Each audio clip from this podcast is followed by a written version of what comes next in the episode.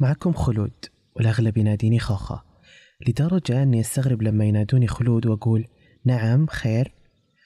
دخلت عليكم بنص السالفة من باب التغيير بطريقة الطرح آه عشان تكون سلسة عليكم وممتعة ويا رب ينال موضوعي على إعجابكم.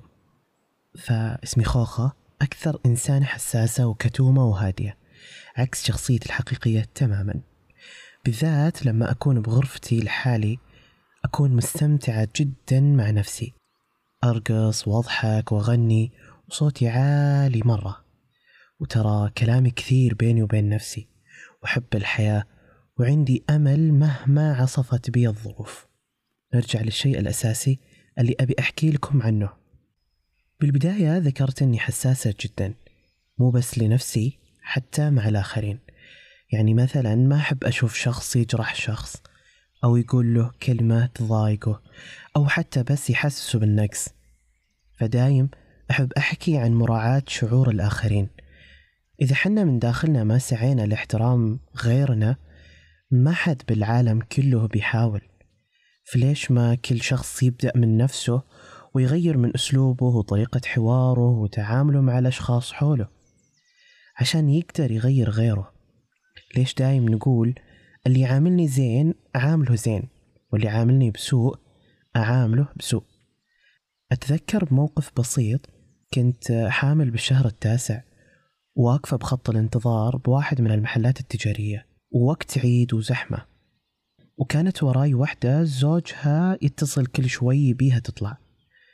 فتنازلت عن مكاني وقدمتها علي ودعت لي وشكرتني رغم إني ما كنت مجبورة. ولكن من باب أحافظ على توترها من زوجها. وصارت اللي بعدها واحدة كبيرة بالسن. تنازلت عن دوري مرة ثانية.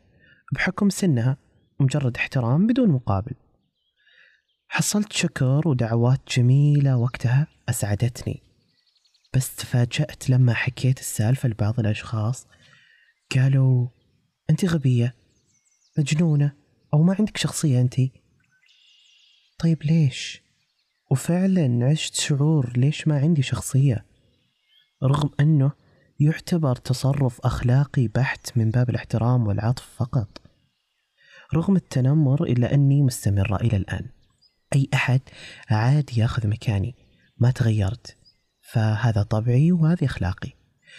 فالملخص من كلامي هذا كله احترم شعور الآخرين أو انسحب بهدوء بدون تجريح وكلام قاسي وعندي تساؤلات ليش ما نبادر؟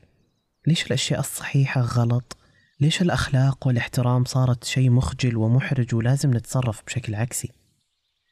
وأيضا من باب المشاعر والعلاقات لازم نضيف فيها أثر ليش نتصرف بشكل وحشي وجارح ونرمي كلام هنا وكلام هناك طيب والطرف الثاني ممكن يكون قلبه أضعف أضعف مما نتصور وينكسر وتسبب له أزمات نفسية بسبب كلمة. ليش ما نحسن؟ ليش ما نحسن لكل شخص يمر بحياتنا ونعطيه دافع أنه هو يحسن من نفسه؟ يحسن من نفسه يحسن من تصرفاته ومعاملاته. دائم أقول لازم نكون غيمة لطيفة باردة بيضاء كالقطن. نمر ولا نضر نرحل وما نجرح. بهالموضوع أبي أحكي كثير وكثير جدا. عندي لكم حكي وسوالف أتمنى أوصلها لكم ويا رب أنها تنال إعجابكم وأكون غيمة تمر في سمائكم بكل هدوء.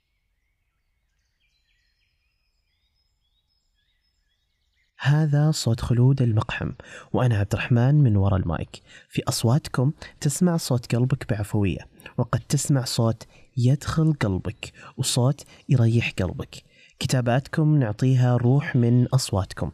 شاركونا نصوصكم ورسائلكم ودعوا أقلامكم تحبس ما تتقيأ به قلوبكم. بودكاست أصواتكم من قلوبكم.